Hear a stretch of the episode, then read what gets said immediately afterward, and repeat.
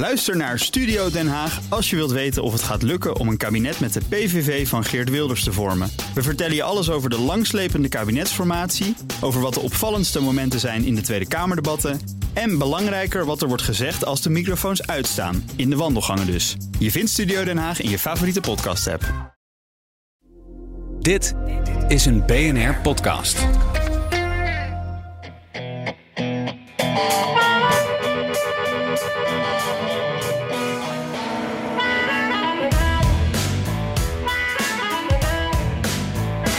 Kun je een primary verliezen als je grootste tegenstander niet eens meedoet? Ja, dat kan, weet nu Nikki Haley. In Nevada werd ze tweede, ondanks dat Trump niet eens op het stembiljet stond. De meeste republikeinen in deze staat kozen voor de optie geen van deze kandidaten. NBC News projects that Nikki Haley has lost to the option that reads none of these candidates. Former President Trump did not appear on the ballot. Ja, dat is toch wel pijnlijk als je de enige serieuze kandidaat bent en mensen kiezen nog liever geen van de opties. Geen fijne dag voor Nikki Haley, toch? Does that situation in Nevada hurt a little bit? No, I mean, Nevada, it's such a scam. They were supposed to have a primary. Trump rigged it so that the GOP chairman, who's been indicted, would go and create a caucus. We knew months ago that we weren't going to spend a day or a dollar in Nevada because it wasn't worth it. Ja, je hoort straks hoe dat zit. Daarnaast een juridische Trump-update en chaos in het congres deze week. Republikeinse chaos vooral. Een mislukte impeachment, een mislukte grensdeal, mislukte stemming over geld voor Israël. Kortom, dit is Amerika Podcast nummer 218. Mijn naam is Jan Posma aan de eettafel in Washington met de kop thee deze keer. Want ik heb een klein virusje meegenomen bij mijn vorige reisje. En ik ben Bernard Hammelburg in de studio in Amsterdam onder het wakend oog van Wesley. Uh, Jan, eerst even iets dat jou zeer is opgevallen deze week. Ja, wie niet moet ik zeggen, want wat was er een publiciteit? De Grammys. Ja, ja, ja, ja. Heb jij, jij hebt dat optreden ook gezien, Bernard? Ik heb het optreden Waar ik het over wil hebben? Ja, zeker, omdat jij het ja, erover had. Mooi, mooi. Ja, nou ja, ik, ik, het raakte mij echt. En, en eh, met mij ook heel veel mensen merkte ik. En dat vond ik wel bijzonder. En het voelde echt een beetje als een soort moment van uh, soort tegengif tegen al het cynisme.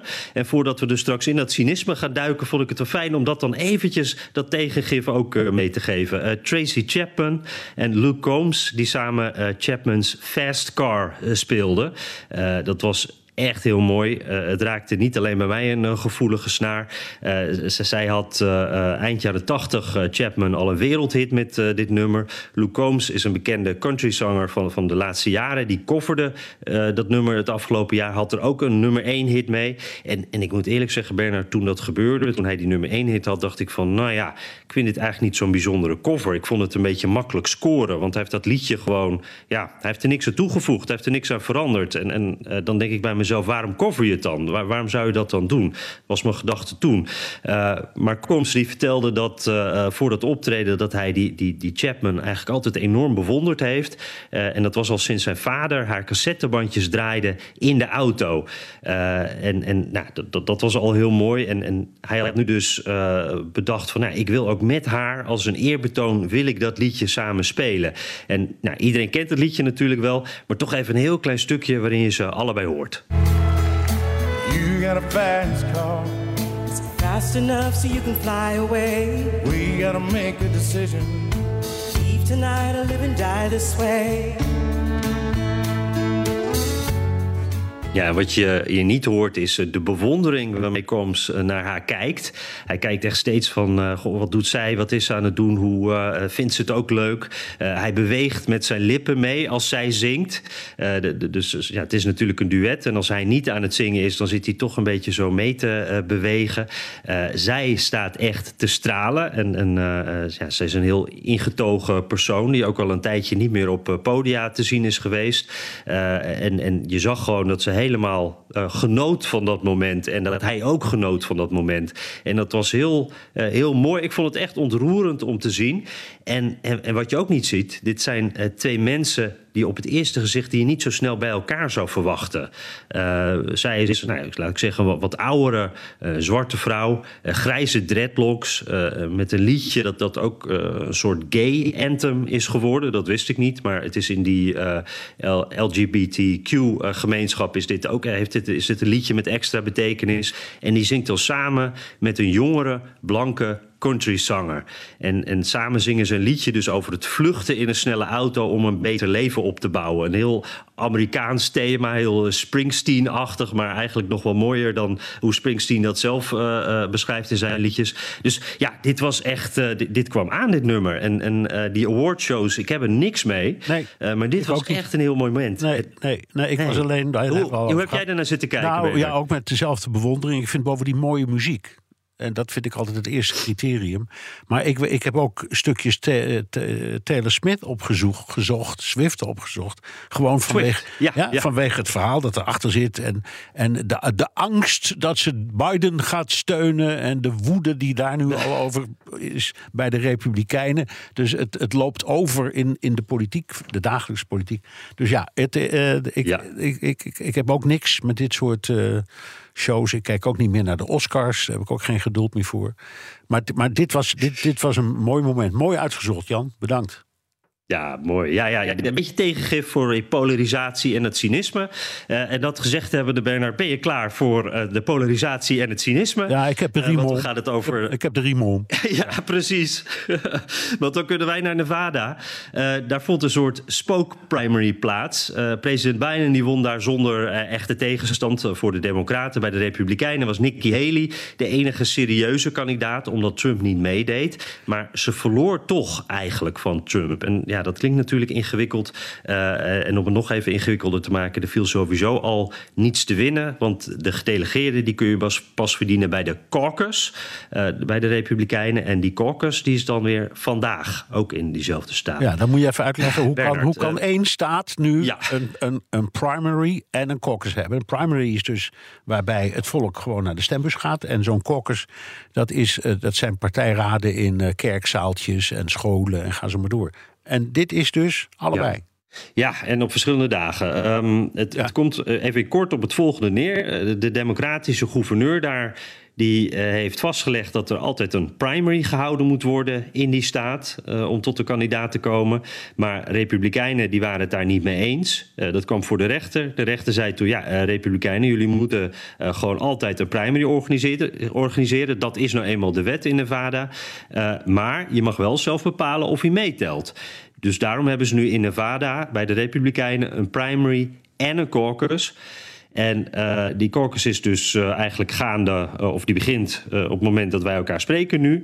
En daar weten we eigenlijk al van dat Trump die zeker gaat winnen. Want Trump die had daar, ehm, ja, die heeft goede contacten met het partijbestuur daar. En alles is daar pro-Trump. Dus we weten al dat Trump, die, die gaat dat zeker, zeker winnen, die caucus. Ja. En, en, die primary, die was eigenlijk voor spek en bonen. Ja, en nou ja, de, de, de, ging um, 63,2 procent naar de optie, en dan denk ik dat moet dus staan op een stembiljet of zo, geen van deze kandidaten. Dus geen van deze kandidaten won de verkiezingen, zo gezegd. He, zo, ja. zo, ja. En dat, dat wordt dan gepresenteerd, gedrukt, alsof dat een kandidaat is. Alsof daar staat Wesley ja. in plaats van. Uh, uh, uh, geen, geen van deze kandidaten. En dat won met 63,2 procent. En daaronder zat Nikki Haley met 30,5 procent. Um, dus ja, ze heeft ja, gewonnen en verloren. Ik, ik, ik begrijp niet helemaal wat er is gebeurd. En ik denk ook eerlijk gezegd dat ze het allemaal niet zo slim heeft gespeeld. Er werden ook allemaal, ik weet niet of je dat hebt gezien, online allemaal foto's verspreid. Ik vind altijd briljant hoe snel de media dat hebben. Van uh, een heel sip, somber kijkende Nikki Haley. Nou, zo kennen we er helemaal niet, want ze lacht altijd heel vrolijk. Mm. Maar ze hebben het dan toch. Ja, ze lacht alles weg ook. Ja, ze lacht alles weg. Maar ja, nou ja, dit is het, Nevada. Het is niet zo heel belangrijk. Volgende week is iedereen het vergeten, maar toch. Nou ja, nee, dat, ben ik met je eens. Ik dacht ook van tevoren van hier gaan we helemaal geen aandacht aan besteden. Maar goed, dan gebeurt het toch. En dan krijg je deze, deze kop erbij, zeg maar, deze headline. En dan denk ik toch, nou, het is toch wel. Het is een heel gek verhaal. En ik denk inderdaad dat, dat Haley zelf daar ook wel wat een foutje in heeft gemaakt. Want ik, ik, denk dat er wel een tactiek achter zat wat zij gedaan heeft. Ik denk dat haar tactiek was. Um, wij weten dat we niet aan die caucus mee hoeven te doen. Want dat is helemaal een Trump-feestje. Daar komen we gewoon niet tussen. Dat gaat niet lukken. Daar gaan we ook geen geld aan besteden. Dus dat laten we zitten. Uh, dus uh, wij schrijven ons gewoon in voor die primary. We weten dat Trump niet aan die primary meedoet. Want die zit al in die caucus. Dus wat je dan gaat krijgen is. Haley gaat eigenlijk zonder moeite gaat dat winnen. Want zij is eigenlijk enige kandidaat. Dus dan hoef je maar een beetje eigen mensen op te trommelen en dan komt het al goed. Maar ik denk dat ze niet, uh, ja, niet, niet stil hebben gestaan bij die optie van geen andere kandidaat. Dat dat er ook tussen stond. En dat ze daar een beetje mee uh, het schip in zijn gegaan. Want nu zijn dus de, de, de koppen helemaal de andere kant op gegaan. En nu is het eigenlijk, Haley heeft verloren van, ja, eigenlijk van niemand. Ja. Want uh, het verhaal is eigenlijk, we willen iedereen, maar niet deze persoon. Iedereen behalve Haley. Dat is nu eigenlijk wat gewonnen heeft. Dus ik denk dat dat wel echt een tactische fout is geweest van haar. Ja, ik weet niet wat jij altijd doet, maar ik pak in zulke, zulke dagen altijd meteen de New York Post. En uh, die, als, oh, die heb ik nu niet gezien. Ik ben nee, heel benieuwd. maar wat jij nu zegt is alsof jij het stuk in de New York Post had geschreven. Uh, dus, ah. ja, precies wat daarin stond. En ook weer met foto's van een heel somber kijkende Nikki Haley. En die blaast het verhaal Ja. natuurlijk enorm op. Uh, en dat is ook heel leuk. Nou, even, even. Er deed nog een andere partij mee, of niet? Ja, hè? Oh ja, dat Ja. was er ook nog. hè? Ja, de Democraten. Ja, ja en, eh, Ja, en- nou, ja, vertel maar. Nou, Biden won. Ja, eh, big deal, denk ik dan. Maar goed. Ja, nee, precies. Ja, nou ja, dat, dat is, dit is ook een, een onderdeel van, van de show, hè, van het toneelstuk. Jij won met eh, 89 procent. bij de Democraten kwam op de tweede plek geen van deze kandidaten. Die, eh, die kreeg daar eh, 5,8 procent. Eh, en daarna Marianne Williamson, die kreeg eh, bijna 3 procent. En eh, Marianne Williamson weten we sinds eh, vannacht, hè, Bernard, eh, gecondoleerd. Het is eh, einde verhaal voor haar campagne. Eh, zij stapt eruit met natuurlijk eh, eigenlijk nooit echt een kans gemaakt te hebben. Dus die zullen we over vier jaar wel weer zien met weer een campagne, maar, denk wat, ik. maar wat mij nou eh, toch opvalt. eh, Biden en de Democraten hebben enorm gevochten. om officieel de eerste primary te houden in ehm, South Carolina. Ehm, en eh, Nevada ja, is voor niemand belangrijk. Dus waarom maar doen ze nu net alsof hun kandidaat hier een soort monsteroverwinning heeft gehaald? Eh, het stelt helemaal niks voor. Nee, nee, klopt. Ja, volgens mij is dit precies hetzelfde wat, eh, wat, wat ik net omschreef, wat Haley graag had gewild. De, de, de koppen. Ja. Eh, dit is natuurlijk. eh, te, nou, bij beide staat het natuurlijk heel slecht voor in de peilingen. En daarbij wordt dan vooral ook al gekeken naar eh, de verkiezingen zelf. Want eh, hè, hij is op dit moment de enige serieuze kandidaat. Dus eh, dat Biden die kandidaat bij de Democraten gaat worden, nou ja, dat, dat, dat is onvermijdelijk op dit moment. Want er is geen alternatief. Eh, dus ik denk dat de Democraten dit ook gebruiken, deze voorverkiezingen, om eh, Biden zelf een beetje op te poetsen. Om eigenlijk te zeggen van, hé, hey, kijk, staat na staat. eh, hij haalt 80, 90 procent van de stemmen. Zie je wel, het is helemaal niet zo dat Nee, mensen maar- eh, verdeeld zijn over beide. Nee, nee, maar de, de- de- sorry dat ik eh, zo'n gruwelijke vergelijking maak, maar dat kun je van Poetin ook zeggen.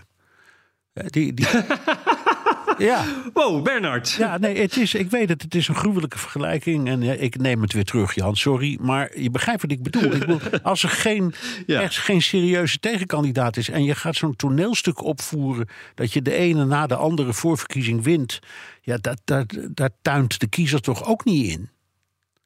Mhm. Ja, nee, dat, dat gevoel heb ik ook. Want ik denk dat die, die onvrede, eh, die blijft er gewoon wel natuurlijk. Want wat je, wat je hebt is natuurlijk, dit, dit zijn dan eh, nou ja, de fanatieke voorverkiezinggangers. Die zijn al ingetuned, die zijn niet meer bezig. Eh, dat zijn vaak ook de, de fanatieke, fanatiekere Biden-aanhangers. Dat is eigenlijk precies wat we eh, vorige week hebben beschreven hè, in South Carolina. Waarbij ook de oudere garde echt achter Biden staat. Dat zijn de mensen die dan bij die voorverkiezingen ook stemmen.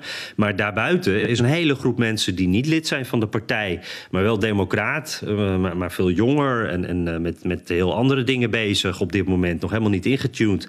En die mensen die blijven volgens mij gewoon net zo hard eh, twijfelen. En, en volgens mij prikt iedereen hier ook wel doorheen. Eh, maar het, het gekke is, want ik ben het dus helemaal met je eens op dat punt. Het gekke is dat eigenlijk eh, Biden en Trump, die zijn het, hetzelfde aan het doen allebei. Hè? Die zijn allebei, proberen ze eigenlijk over de rest heen te walsen. Om, met een soort show of force van wij zijn echt, echt de beste kandidaat. En wij zijn eigenlijk al de kandidaat voor deze partij. Ook al zijn we nog met eh, voorverkiezingen bezig. Dus ja.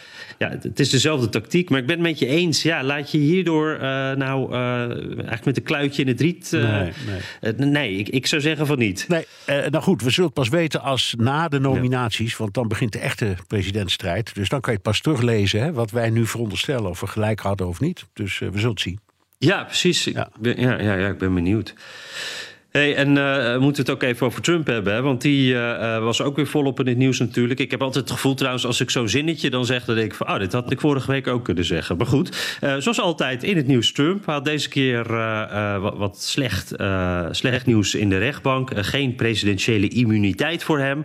dat was een oordeel van het Hof van Beroep in Washington. hij mag dus als ex-president vervolgd worden, is dan het oordeel. En ondertussen buigt het Hoge Rechtshof zich ook nog over de vraag... of hij van het stembiljet gehaald mag worden eh, voor de voorverkiezingen in Colorado. Dat is op dit moment uh, gaande terwijl wij dit opnemen. Ja. Maar Bernard, eerst maar eens even naar ja. die immuniteit. Hè? Hoe, hoe, hoe, hebben die rechters dit verzonnen? Waar, waarom heeft Trump. Want Trump die zegt: uh, Dit is toch duidelijk, ik was president. En als president kan je gewoon niet vervolgd worden, punt. Maar ja. daar is die rechter het dus niet mee eens. Nee, nou, nee, die rechter die zei: Dat was wel zo toen je president was. Maar het is niet zo dat dat nog geldt als je geen president meer bent. Je bent nu gewoon een burger.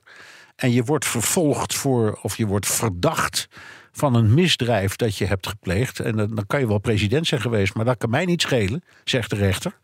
Um, daar, ja, uh, een misdrijf is een misdrijf en daar, daar moet je voor terecht staan. En dan moeten we maar eens kijken of je schuldig bent of niet. Dat, daar, heeft, daar is nog geen uitspraak over gedaan. Maar in elk geval, um, de, de, vraag van is, was: mag je. Uh, worden uh, vervolgd, uh, ja, ja of nee. Daar komt, daar komt het op neer. En deze, ja, ja. En, en dit, dit, dit, dit uh, beroepshof bestond uit twee um, democraten en één door Trump dacht ik, benoemde republikein. Bush, dacht ik. Maar ja, in ieder geval een republikein. Maar ze waren in elk geval unaniem. Dus heel interessant. En nou ja, wat nu? Ehm, wat was, ja, de, de, de, argument dat ze,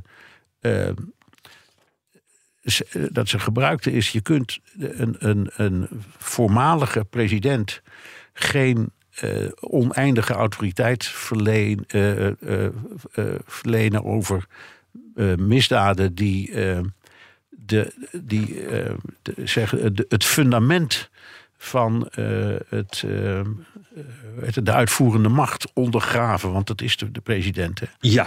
Dus, ja, ja, ja, precies. Ja. En zij zeggen eigenlijk van hey, die, die verkiezingen dat, is, dat is een soort check, een soort controle op die presidentiële macht. Want één keer in de vier jaar kunnen alle kiezers zeggen van wacht eventjes, wij willen deze president niet meer. Dus die verkiezingen zijn belangrijk daarin, in, in, de, nou, in de hele machtsbalans in dit land. Ja. Uh, en uh, nou ja, dit maar, is dus juist een onderwerp ook waarbij dan die verkiezingen dus eigenlijk geneutraliseerd zouden worden. Die zouden en, geen betekenis en, meer kunnen. En, en, dat benoemen ze ook, want ze zeggen ook in het geval van deze rechtszaak, het gaat hier om het geven van een oordeel. Um, is president Trump gewoon citizen Trump geworden. Gewoon burger Trump. Uh, met, uh, ja. met, met alle, uh, ja, ik zal maar zeggen, lusten en lasten die een gewone burger heeft. En als hij een, een misdrijf heeft begaan, nou, dan moet hij worden berecht. Ja, ja. Nou, eigenlijk heel duidelijk en uh, uh, interessant ook. Ik, ik, ik, ben wel benieuwd hoe jij er tegenaan kijkt. Trump die zegt steeds, ja, maar dit heeft gigantische gevolgen. Ik doe dit niet voor mezelf ook natuurlijk. Ik doe dit voor presidenten in de toekomst. Want presidenten kunnen straks hun werk niet meer doen. Want die kunnen straks, nadat ze president zijn, door iedereen aangeklaagd worden. En dan heeft hij voorbeelden zoals bijvoorbeeld, nou ja, stel dat je iemand bombardeert tijdens je presidentschap. Omdat het nou eenmaal nodig is, denk jij als president. Dan zou je daarna later dan nog uh, voor veroordeeld uh, kunnen worden. Uh, is ja. dat een reëel probleem? Ja, denk jij? nou vind ik wel. En ik vond ook dat de, de, de advocaat van een van de advocaten van Trump wel met een goed. Ehm, met een, een, een goed argument kwam. Die zei: als, als, als het nou waar is hè, dat je geen uh, rechten meer hebt, dat je geen bescherming meer geniet en een gewone burger bent, dan betekent dat dat dat geldt voor elke president op 20 januari na het jaar van de verkiezingen om precies 12 uur s middags. Want dan hou, dan hou je op president te zijn. En op dat moment mm -hmm. kan je dus meteen worden gearresteerd, want dan ben je gewoon burger. En dan krijg je inderdaad dingen als: was uh, het bombardement in Irak wel of niet een schending van de mensenrechten? En uh, precies wat jij net ook noemde. Um, het kan ook best zijn dat je um, in. Uh, zeggen wetgeving in het binnenland iets hebt gedaan waarvan uh, iemand van een uh, ik zeg, iemand die minderheden vertegenwoordigt zegt dit was eigenlijk racisme. Dus ik begin een, een zaak tegen deze ex-president wegens schending van burgerrechten. Dat soort zaken spelen heel vaak, zoals je weet, in Amerika. En ik hoorde die eh, argumenten van die advocaat. Ik dacht, ja, je hebt ook wel een punt. Want dat betekent Hm. Ik, dat. ik denk zelf daarbij er wel, da- dan kan je toch heel duidelijk ook het onderscheid blijven maken. Zeker. tussen- want dat heeft deze rechtbank ook gedaan. Wat heeft hij als president gedaan? Wat heb je als, als eh, eh, ja, gewone burger gedaan? Ja, ja, maar je kunt, het, het, het komt erop neer dat ze zeggen: je kunt niet weglopen van eh, kwesties die je ook achteraf als misdrijf kunt aanmerken. Daar, daar komt het een beetje op, op, op neer. Eh, daarvoor kun je, ben je, daar ben je niet immuun. Dat blijft niet, dus dat, dat houdt op op, die, nou ja, op het moment dat je presidentschap eh, afloopt. Dus ja, de grote het vraag gaat nu naar het Hoge Rechtshof natuurlijk. En nou ja, die, die zitten er ook niet op te wachten, heb ik begrepen. Die vinden het helemaal niet leuk, dit soort politieke eh, ingewikkelde zaken. Maar, maar, maar ja, die hebben we nodig om uit te vinden hoe het echt zit. Ja, precies. En dan is de hamvraag daarbij natuurlijk weer ook hoe lang gaat het dan duren? Want eh, Trump die heeft eh, tot eh, maandag gekregen om te reageren en eh, zijn hoge beroep zeg maar eh, in te leveren. Eh, want hij wil graag dat dit voor het Hoge Rechtshof ko- komt inderdaad. En ja, wat hier ook weer aan vasthangt natuurlijk. Wat betekent dit voor al die andere zaken? Wat betekent dit dan ook voor die 6 januari zaak bijvoorbeeld van Jack Smith? Want dat is de eerste zaak waar we naar kijken. waarvan we in eerste instantie zou dat in maart beginnen. Nou, de rechter heeft die zaak al uitgesteld voor onbepaalde tijd. Dus ja, ik, ik heb hier geen antwoord op, zal ik meteen maar zeggen. Maar eh, eh, het, het lijkt erop dat eh, zolang dit niet doorgaat, kunnen al die andere zaken eigenlijk ook niet echt door. Of deze Jack Smith-zaak in ieder geval niet. Nee, en nee. blijven wij dus geduldig wachten op dat mysterieuze Hoge Rechtshof. Ja, Bernard. en, en dat we hopen dat die dus met, die, met dat vonnis een beetje voortmaken. Ehm, ik, in, in BNR De Wereld, waar jij en Kenneth Menusama en, eh, en ik het er ook over hadden, was de, de schatting mi- misschien wel met een week of met een maand of twee. Nou, dat is nog redelijk op tijd. Maar we zullen het zien. Zeggen, ik hoop het. Ja.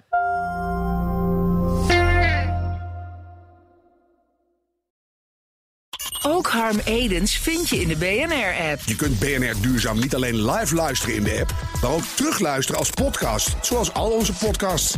En naast dat de BNR-app Breaking News meldt, houden we je ook op de hoogte van het laatste zakelijke nieuws. Download nu de gratis BNR-app en blijf scherp.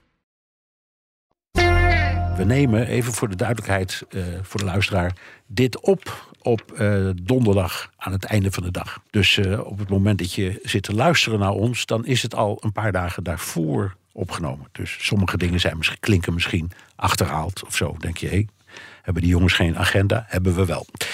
Eh, in het congres, Jan, is het ondertussen een chaos. Daar zouden we een uur aan kunnen wijden. Maar geef eens een korte update. Alle drama's in één minuut, Jan Posma. ja, moet ik heel snel praten. Ja, ja eh, dit is allemaal congresdrama. eh, maar dit is ook een beetje Trump-drama. Want die hangt hier eigenlijk steeds als een donker wolkje eh, boven. Ehm, en laten we even beginnen met de mislukte impeachment van Mayorkas. Dat is de minister van Homeland Security. Volgens een groot deel van de Republikeinen moet hij weg. vanwege al die problemen aan de grens. Maar drie Republikeinen die waren tegen. En de- de- uiteindelijk werden de Republikeinen daardoor verrast. Eh, Mike Johnson, eh, de Speaker of the House, die werd daardoor ver- verrast. Want ze deden een stemming en eh, ze redden het niet. Ze hadden het verwacht te redden, maar er waren dus drie Republikeinen die niet meegingen. En de doorslaggevende stem kwam van de Democraat Al Green. En dat is wel echt een bijzonder klassiek Washington-verhaal, Bernard. Want die zou er niet bij zijn, omdat hij in het ziekenhuis lag. Hij werd geopereerd. Maar hij is toch, toen hij hoorde van die stemming, in zijn ziekenhuiskloffie naar het kapitaal, eh, kapitool gekomen. Dus hij stond daar in zo'n blauw eh, eh, pakje, heeft gestemd. En eh, dat was uiteindelijk de stem waardoor eh Mallorca's nog eventjes eh, gered is en dus niet impeached is in het huis. En dat was een enorme tegenvaller en ook wel een beetje een blunder voor die Speaker of the House, Mike Johnson. Want ja, die, die zei later van ja, hier kon ik geen rekening mee houden dat de Democraten zomaar iemand uit de hoge hoed to- toveren die wij niet hadden verwacht dat hij er zou zijn Nee. in het, in het huis. Nou, wees, Eh, wees eens, door deze wees- Al Green wees- dus. Ja, wees eens Ja. eerlijk. We, we- we vinden die Johnson een vreemde man. Maar in dit geval denk ik, ja, dat snap ik. Wie verwacht dat nou, joh? Dat iemand in, in ziekenhuiskleding midden in het congres verschijnt om zijn hand op te steken. ja, ik vond het wel een hele mooie actie, moet ik zeggen. Die El Green die zei ik van ja, ja, ik wilde er gewoon bij zijn. Ja. Ik, eh, ja, het is gewoon een stemming. En eh, nou ja, dat daar, eh, daar zit natuurlijk iets belangrijks symbolisch in. Want die Mallorca's, dat is zijn minister ook. Dat is een democraat. Maar ik denk dat ze het ook wel heel erg lekker vonden, die democraten... om even deze hak te kunnen zetten richting Mike Johnson... die zich dus ook wel een beetje verteld heeft op die manier. Eh, en, en dit was voor het eerst in, nou wat was het? Ik geloof 160 jaar dat een impeachmentstemming eh, mislukte. Dus Ja. geen goede dag. Geen goede dag, nee. Ehm, eh, hey, Ja. En dan, er waren nog meer problemen. Dus, je, je, moest het Ja, in, ja, ja, ja. je moest het in één minuut doen. Dat is net niet gelukt, maar het ligt ook aan mij. Nee, dat is nu al niet gelukt. Sorry daarvoor.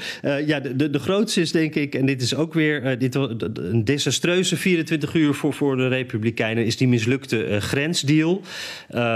En dan moet ik even uitleggen welke dat is, want er zijn zoveel deals die mislukken op dit moment. Maar dit was die grote deal, die was uitgewerkt door Democraten en Republikeinen samen.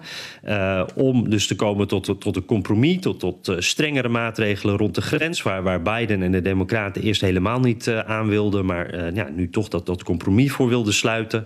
Ehm, dat plan dat werd getorpedeerd door Trump. Die zei van ja, dit wil ik niet, want één, dit is een score voor eh, Biden.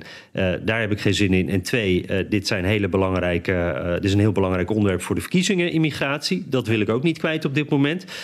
Trump is gewoon heel open en eerlijk daarover waarom hij dan daartegen is. Dus die wil eigenlijk nog geen oplossing voor dit probleem. Hey, maar Jan, En, Jan, even een vraag hier tussendoor. Hè? Zit Donald Trump in het congres? Ja, oh man. Ehm, eh, ik hoorde een eh, eh, John Dickerson, dat is een politiek commentator die ik erg waardeer en bewonder ook. En die zei van, er was een tijd dat het congres boos zou worden als ze een opdracht kregen van een president. Want dan zouden ze hebben gezegd, wacht eens even, wij controleren de president, wij controleren de macht. Wij zijn de mensen die dit soort dingen kunnen besluiten. Wij nemen geen opdrachten aan op die manier. En nu zijn we dus op het punt gekomen dat één partij binnen het congres eigenlijk zegt: wij luisteren niet naar een president, maar wij luisteren naar een presidentskandidaat. Iemand die inderdaad op dit moment geen functie heeft. En Nee. ja, dat is, ik vind dat echt een, een bizarre situatie. Ja, en nou- Hoeveel invloed en macht Donald on- Trump heeft. Ongelooflijk. En Nou, inhoudelijk, want ik begrijp dat, kijk, dat, dat- die, die, die grenskwestie is heel ingewikkeld. En Trump is eigenlijk voor compleet sluiten van die grens. Hè. Dat is wat hij het liefst wil, dat heeft hij ook altijd gezegd. Is hem zelf ook niet gelukt, maar dat is wat hij zou willen. Mhm. En die deal, die kwam erop neer, dat kwam wel een eindje aan die wens tegemoet. Maar ze hadden een soort eh, ja, numerus eh, eh, fixus afgesproken van het aantal, Ja. dui- aantal duizenden asielzoekers dat zou worden toegelaten. En de rest mocht er dan niet in, als ik het goed begreep. En ik, ik dacht al, nou, dat is een stevige deal. Dat, is, dat, is, dat hadden die Republikeinen nooit gedacht dat ze zo ver zouden komen. Maar daarvan, daarvan zei Trump klaarblijkelijk, ja, maar het gaat niet ver genoeg. En boem, weg was de deal. Ja, en het is een rare situatie, want eh, Republikeinen hebben natuurlijk eh, heel lang geroepen. eh, en ook terecht, hè, dit, is een groot probleem, we moeten hier wat aan doen. En, en dit was dagenlang, wekenlang, veel langer, maandenlang is dit al het onderwerp waar, je steeds op Fox News iedereen over hoort. Van hey, hier moet wat aan gedaan worden en Biden doet maar niks. Kort samengevat, dit was de grootste ramp waar Amerika op dit moment mee te maken heeft. En dan komt er dus een oplossing om die ramp minder groot te maken. En het is geen perfecte oplossing, want het is een compromis. Dus beide kanten. Democraten waren hier ook niet eh, 100% blij mee. Maar eh, toch, je komt tot elkaar. En dan zeg je, bij jezelf, zeg je van ja, het was dan wel de grootste ramp, maar we doen er toch niks aan. En ik, ja, ik, ik, volgens mij kan je het toch niet uitleggen. Ja, nou, zat- nee, nou, nou zat die deal, deal die zat, er waren twee varianten. Eén was deze deal eh, gekoppeld aan eh, hulp voor Israël en hulp voor Oekraïne en voor Taiwan en nog een paar dingen. En, en, eh, en eh, Schumer, de, de, leider in de, de democratische leider in, het, in de Senaat, had gezegd: Nou, als dat het niet haalt, want die wist dat er gelazer kwam over die eh, grenszaak, dan heb ik hier ook versie B. En die is hetzelfde, alleen er staat de hele grensversie. Er staat het hele grensverhaal niet in. Dus dat gaat alleen maar over hulppakketten voor Israël en voor Oekraïne enzovoort. En, en hij dacht, nou, dat rol ik zo even door de Senaat. Maar dat ging ook, ging ook mis. Ja, en want hij dacht dat dat zou kunnen lukken. Want Mitch McConnell, de leider van de Republikeinen in de Senaat, die was ook voor dit plan. Die wilde ook een hulppakket. Dan in ieder geval eh, hè, Oekraïne, Israël, eh, Taiwan, die, die belangrijke landen, dat de bondgenoten in ieder geval hun geld krijgen. Ehm, maar daar geldt ook dat de, de, de arm van Trump uh, reikt uh, diep in, uh, in de Senaat ook. En, en ik denk dat we hier ook wel iets zien over de positie van McConnell op dit moment. Dat dat wel echt aan het verzwakken is. Dat zijn, eigen, zijn eigen senatoren niet meer naar hem luisteren op de manier waarop ze dat misschien een paar jaar geleden nog wel deden. Ja. want die staan ook allemaal vol weer achter Trump en geen hulp aan Oekraïne. Dat is natuurlijk de belangrijkste steeds. Dat Oekraïne daar, daar willen ze eigenlijk uh, geen geld naartoe. Daar is het dan echt America first, uh, geen Oekraïne. Dus ja, uh, Trump weer. Oké, okay, en nou nog even voor de constitutionele fijnproever. Gesteld nu dat dit op de een of andere manier toch door de Senaat komt, hè, in welke vorm dan ook, dan moet het ook nog door het huis. Nou, als hmm. ik, als ik zo zie hoe Johnson daar al aan het klungelen is en hoe enorm groot daar die, die ultra-rechtse fractie in de Republikeinse ja. uh, partij is. Ja. Veel groter dan in de Senaat, ja. veel luider ook. Dus, dus, dus de, ik las ergens een quote: dead on arrival. Als dat, uh, als, dat, uh, um, als dat voorstel naar het huis zou komen. Zie jij dat ook zo? Ja. Ja, dat denk ik ook. Ja, ja. want het is echt uh, in de Senaat, dat, daar was nog wel uh, welwillendheid, is nog wel welwillendheid uh, richting Oekraïne. In het huis is die, die MAGA-vleugel, die is veel luider, veel dominanter. daar is Johnson zelf ook onderdeel van. en, en ja, die, die man, die heeft zijn positie is denk ik ook zwakker geworden hoor. Die moet ook harder werken nu, nog harder werken om uh, zijn positie te behouden. Want die heeft echt een 24 uur gehad waarbij van alles mislukt is. Ja. En um, dat is toch wel heel pijnlijk. Dus ik, ik ben benieuwd. Uh, we, we, weten in ieder geval hoe hij hiermee omgaat. En uh, een compromis over geld naar Oekraïne, dat, dat maakt daar geen onderdeel van zijn strijdplan. Want dat kan hij gewoon niet maken. Dan krijgt hij echt zijn eigen MAGA-vleugel achter zich. Ja, ja, arme Zelensky. Jan. Zullen we naar de luisteraarsvragen gaan? Ja. Die zijn welkom via de mail of via de Amerika Podcast WhatsApp. Daar kun je je vragen of opmerking ook inspreken. Het nummer is 06 28 13 2-0. Ja, en laat ook even een uh, beoordeling achter voor ons in Spotify. Vertel het je vrienden, uh, abonneer jezelf, abonneer je vrienden, doe het allemaal. Dat helpt ons ook allemaal weer. En uh, blijf ook nog natuurlijk vooral op allerlei manieren ons volgen, ook via social media. hey, laten wij eens kijken naar de vragen die zijn binnengekomen. Laten we beginnen met de vraag van Jonas. Ik las deze week in het nieuws dat Mike Johnson, de voorzitter van het Huis van Afgevaardigden namens de Republikeinen, opnieuw de steun aan Oekraïne uh, geblokkeerd heeft. Nu vroeg ik mij af, kan Joe Biden nu nog iets doen? Of is het nu eigenlijk tot aan de verkiezingen uh, op dat vlak over en uit? En wat zijn de gevolgen voor um, Oekraïne? En ik zat stiekem ook te denken, misschien moet Joe Biden, net zoals Lyndon B. Johnson, um, bepaalde mensen opwachten bij de lift en kan hij op die manier misschien nog iets forceren. Maar dat is een, eh, een leuke knipoog naar het verleden. Ja. Kijk, dat is ja, een vraag naar mijn hart.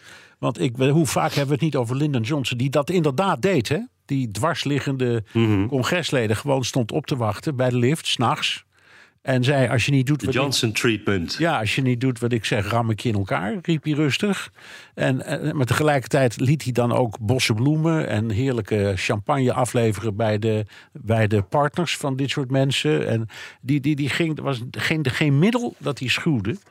En ik denk dat dat inderdaad het zou helpen hè, als Biden dat een beetje deed. Gewoon iedereen opbellen, overal achteraan zitten. Ook eens een keer gewoon uh, bij, bij een van die dwarsliggers thuis langs gaan. Dat, dat deed Johnson allemaal.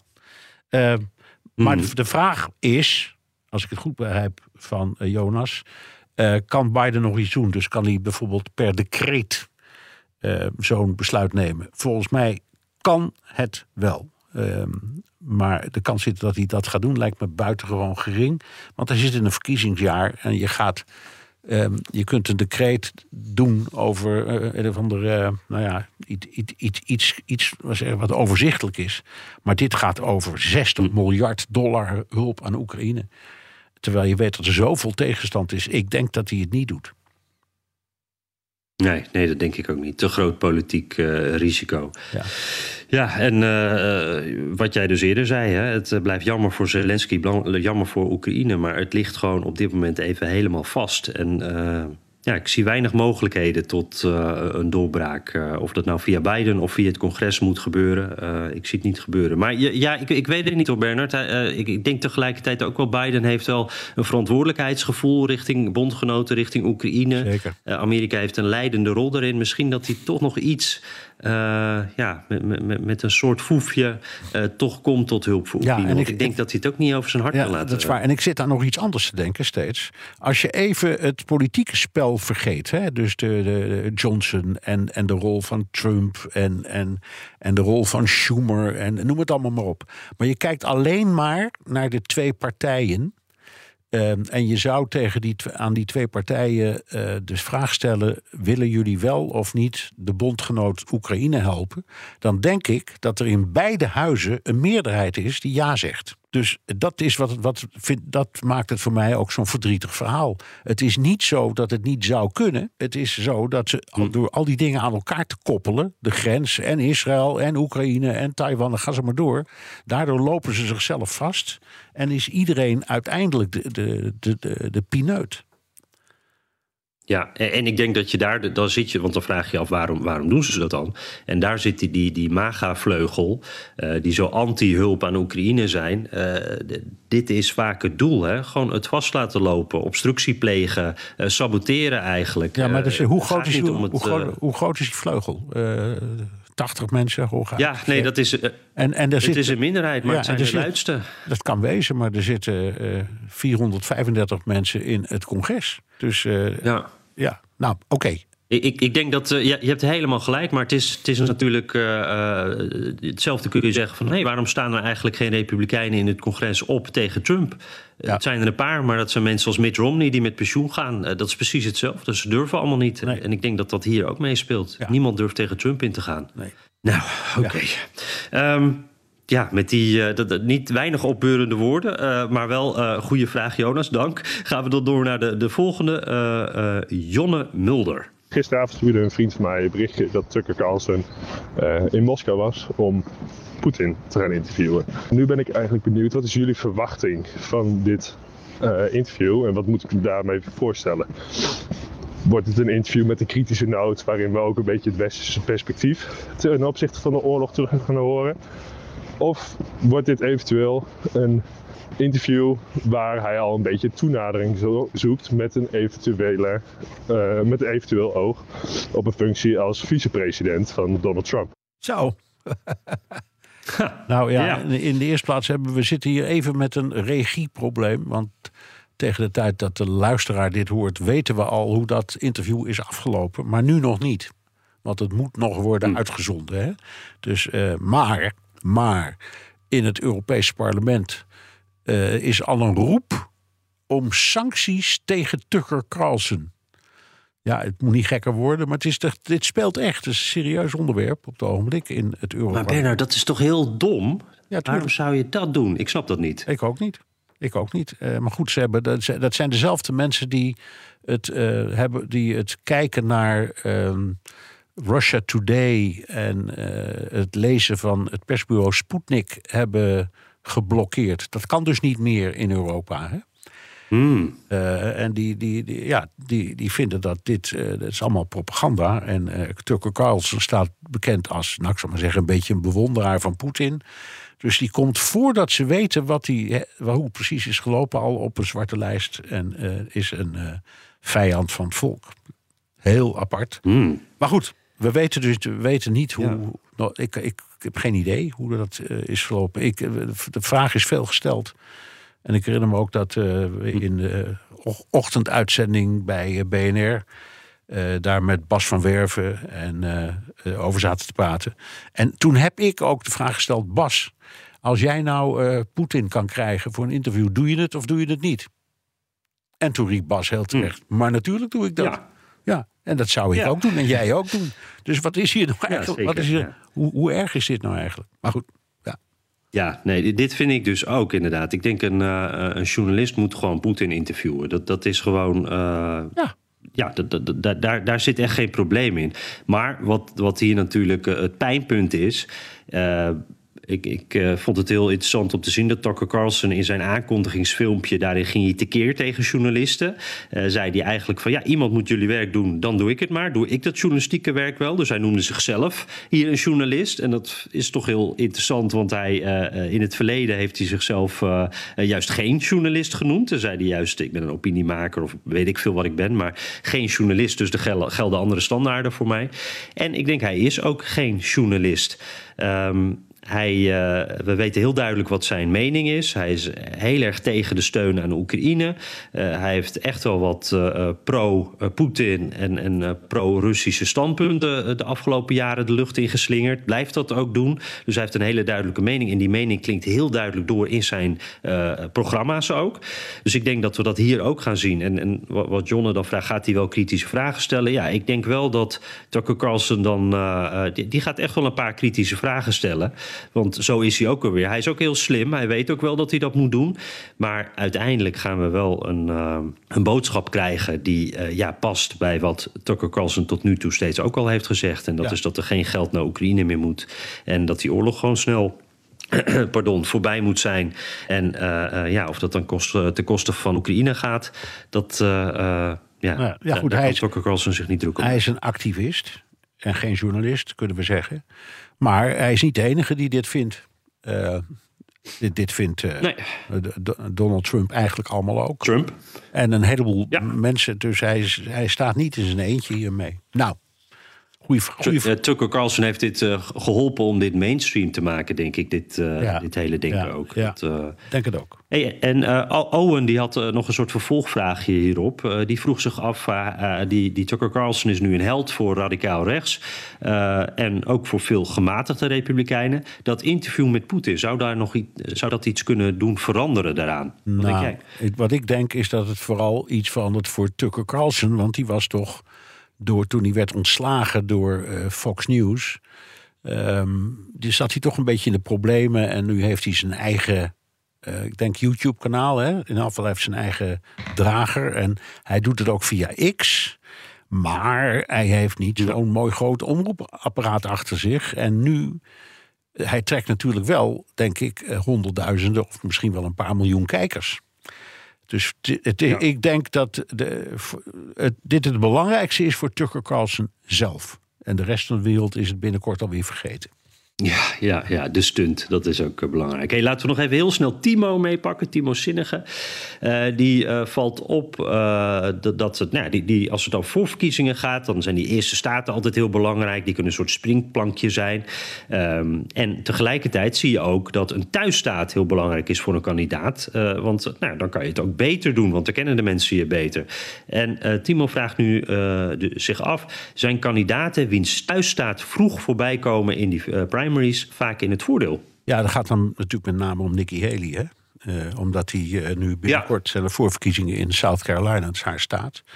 Um, mijn indruk is dat dat niet zoveel uitmaakt. Want vroeg of laat komt de thuisstaat van de kandidaat altijd voorbij. Uh, en of dat nu in het begin is of in het midden, ik weet het niet. Ik heb steeds de indruk, Jan, dat het allemaal pas spannend en interessant wordt op 5 maart, op Super Tuesday. Als zoveel staten ja. tegelijk gaan. En wij concentreren ons natuurlijk enorm hierop. En dat is, uh, dat is terecht, maar je moet het ook niet overdrijven hoor. Nou, je hoorde de wekker al. Uh, het is weer tijd. Zullen we hem hiermee afronden, Bernard? Oké. Terugluisteren kan via de BNR-site, Apple Podcast of Spotify. Heb je vragen, opmerkingen, kritiek of complimenten, dan kan dat ook. Met een tweet naar Jan Posma USA of BNR De Wereld. Of heel ouderwets met een mailtje naar dewereld.bnr.nl. En je kunt je vraag ook inspreken of intikken op de Amerika-podcast WhatsApp 06 28 13 50 20. Ja, en zet zoals altijd even je naam en adres erbij. Dan ding je mee naar die mooie Amerika-podcast Mok. Laat ook even sterren achter op Spotify. En uh, dan zeg ik Bernard uh, tot volgende week. Tot volgende week, Jan.